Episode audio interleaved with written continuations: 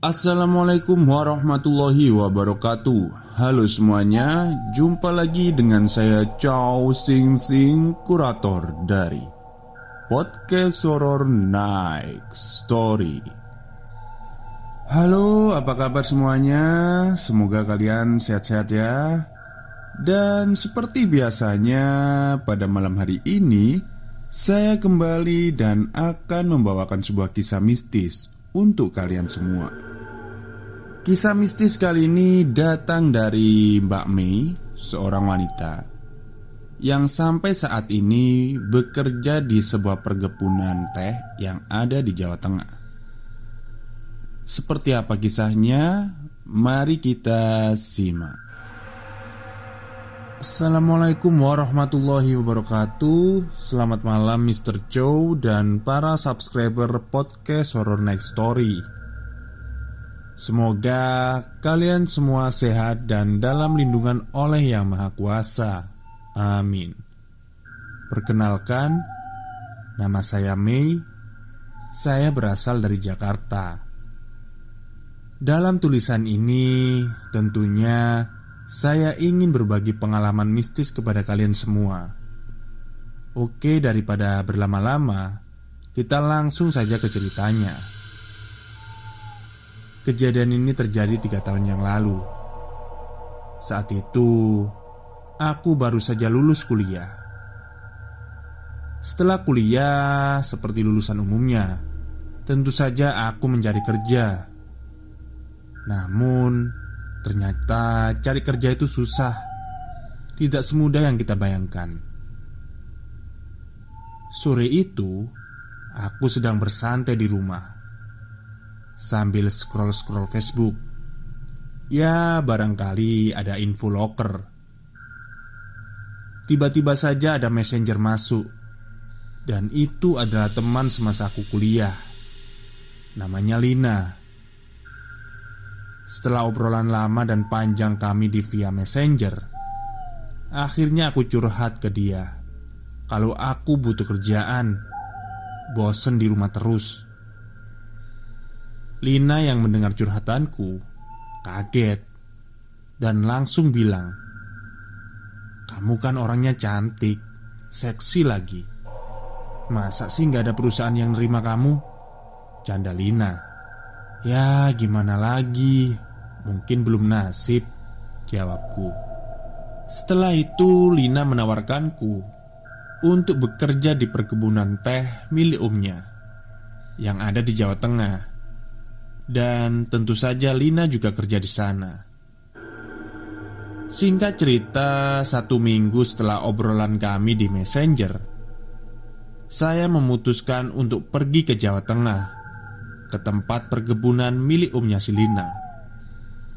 Saya naik bus cepat antar provinsi dari Jakarta ke Jawa Tengah. Semuanya sudah kupersiapkan, mulai dari ijazah, CV, dan keperluan lainnya. Sesampainya di terminal, aku dijemput oleh Silina dan langsung menuju kantor umnya. Setelah urusan administrasi semua selesai, barulah aku diantarkan oleh Lina ke sebuah rumah. Ya, sebut saja mes karyawan. Awalnya dulu Lina itu tinggal di rumah umnya tapi karena sekarang ada aku, jadi dia tinggal serumah sama aku. Menurutku lokasi rumahnya ini cukup seram ya. Karena berada agak tengah di perkebunan Dan jauh dari keramaian. Gaya rumahnya seperti bangunan kolonial Dan ada tiga kamar di rumah itu. Dua dipakai kamar karyawan dan satunya lagi dibuat gudang. Pintunya juga digembok. Singkat cerita, sudah seminggu aku bekerja di sana. Pekerjaanku cukup mudah. Pagi aku datang ke gudang perkebunan dan sore harinya aku sudah bisa pulang. Aku pulang ke mes menggunakan motor, fasilitas dari Om Lina. Begitu sampai di mes dari luar rumah, aku mendengar ada suara berisik, seperti piring pecah dan wajan yang dipukul-pukul. Aku langsung berpikir, pasti ada maling di rumah ini. Tapi aku lihat pintu depan masih dalam keadaan terkunci. Akhirnya karena aku takut Aku mencoba mengitari rumah. Dan Aku tidak menemukan adanya pembobolan atau perusakan. Pintu belakang masih terkunci Dan jendela pun tertutup rapat. Ah, mungkin tikus atau kucing Pikirku. Aku pun membuka pintu dan masuk ke dalam rumah saat aku masuk, kulihat tidak ada yang berantakan. Dapur pun juga terlihat rapi, seperti saat aku tadi pagi berangkat. Mungkin aku kecapean, jadinya aku berhalusinasi batinku. Satu jam setelah kedatanganku, Lina datang. Dia membawa makanan dan kami pun makan bersama. Aku tidak menceritakan hal yang aku alami karena aku sungkan. Takutnya nanti Silina cerita ke omnya. Malam harinya setelah aku dan Lina berbincang-bincang, kami berdua berangkat tidur ke kamar masing-masing. Tepat pukul 12 Tiba-tiba aku terbangun karena ingin kencing. Setelah kencing, aku kembali ke kamar lagi. Nah, saat aku buka pintu kamar mandi, aku lihat Silina sedang memasak air. Jadi penjelasan sedikit ya, biar kalian gak bingung. Jadi aku itu kalau mau ke kamar mandi harus melewati dapur dulu di rumah ini. Oke, kita lanjut. Nah, si Lina kan lagi masak air tuh. Aku tanya, "Mau bikin kopi, Lin?" "Iya, kamu mau?" Tanya Lina balik. "Eh, enggak ah. Aku mau tidur aja." Balasku. Kemudian Aku berjalan menuju kamar.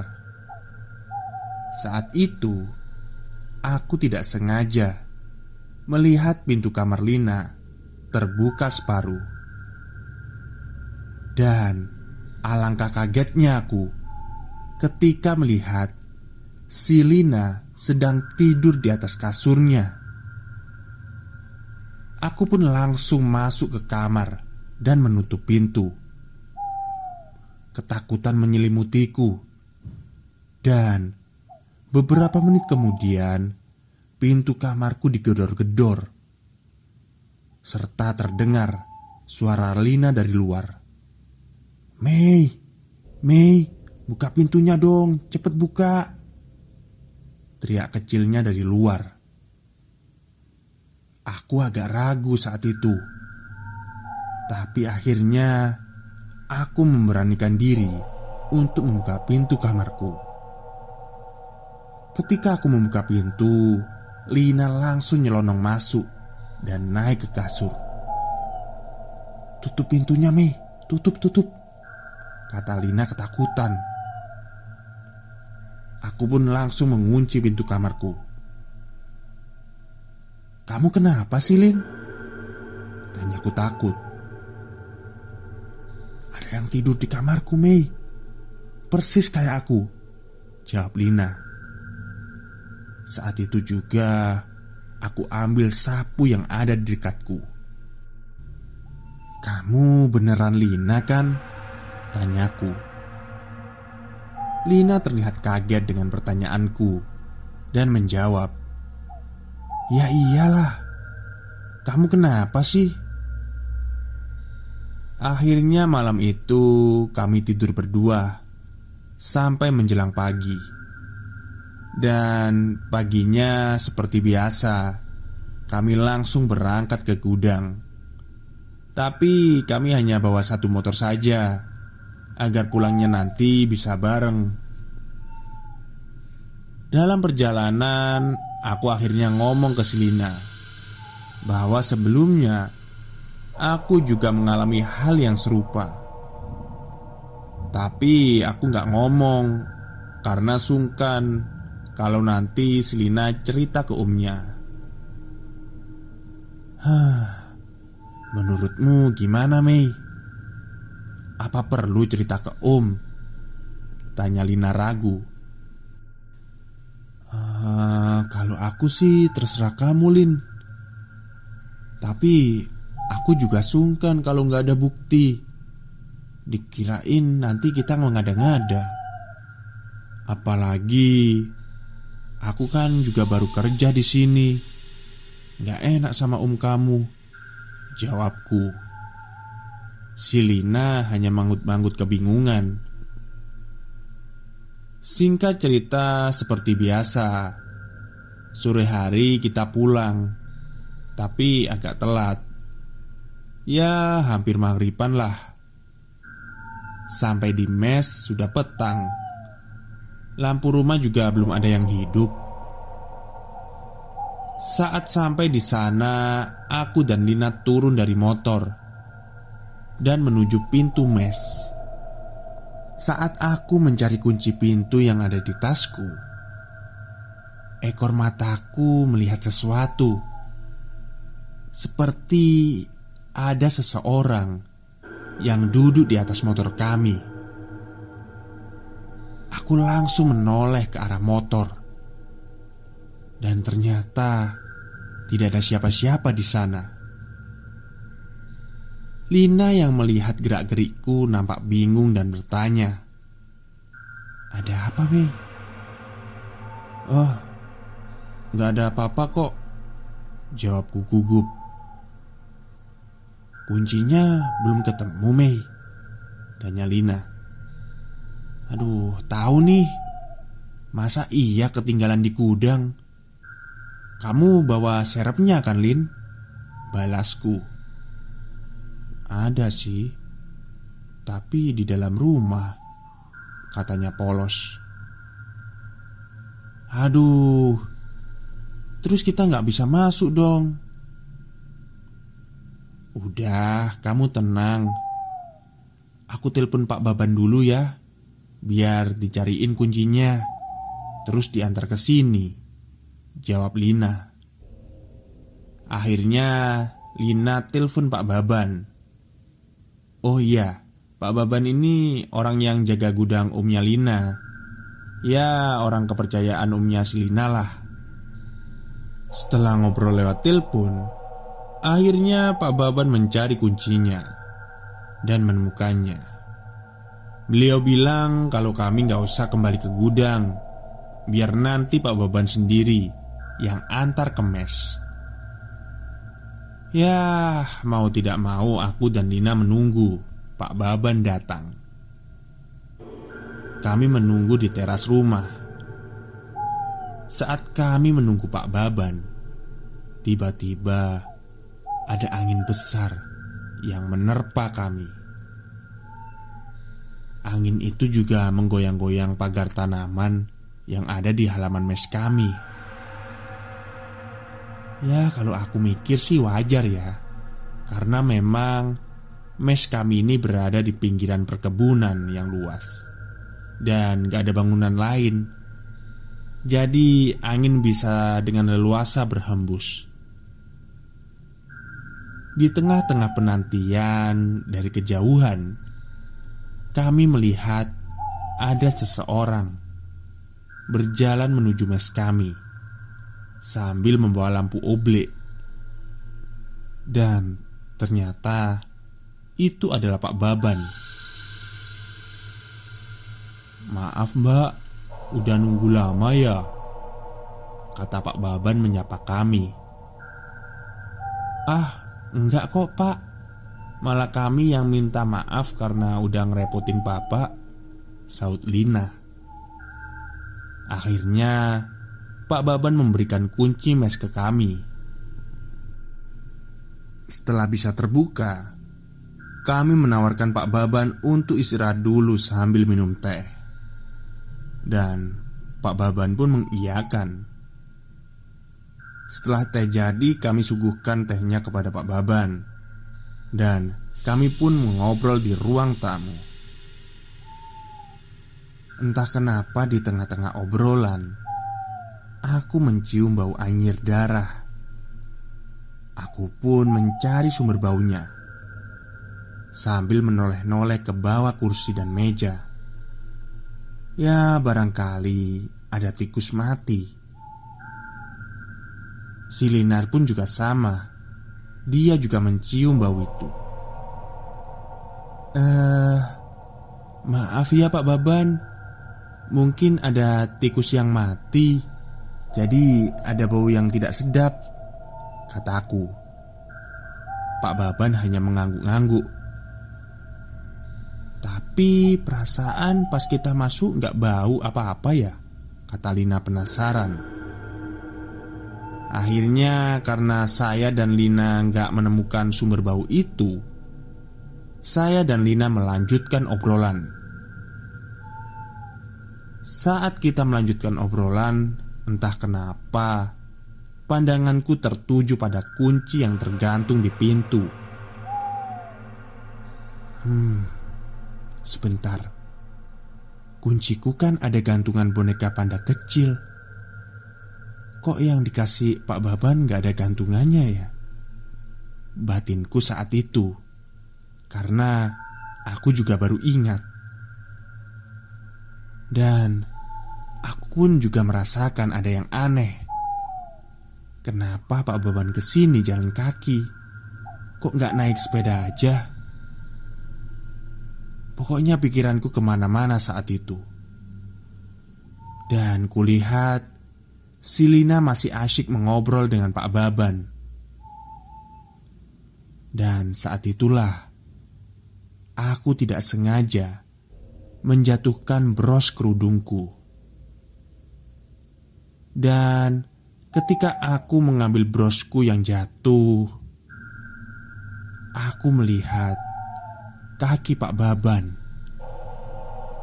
Kakinya hitam dan penuh dengan luka.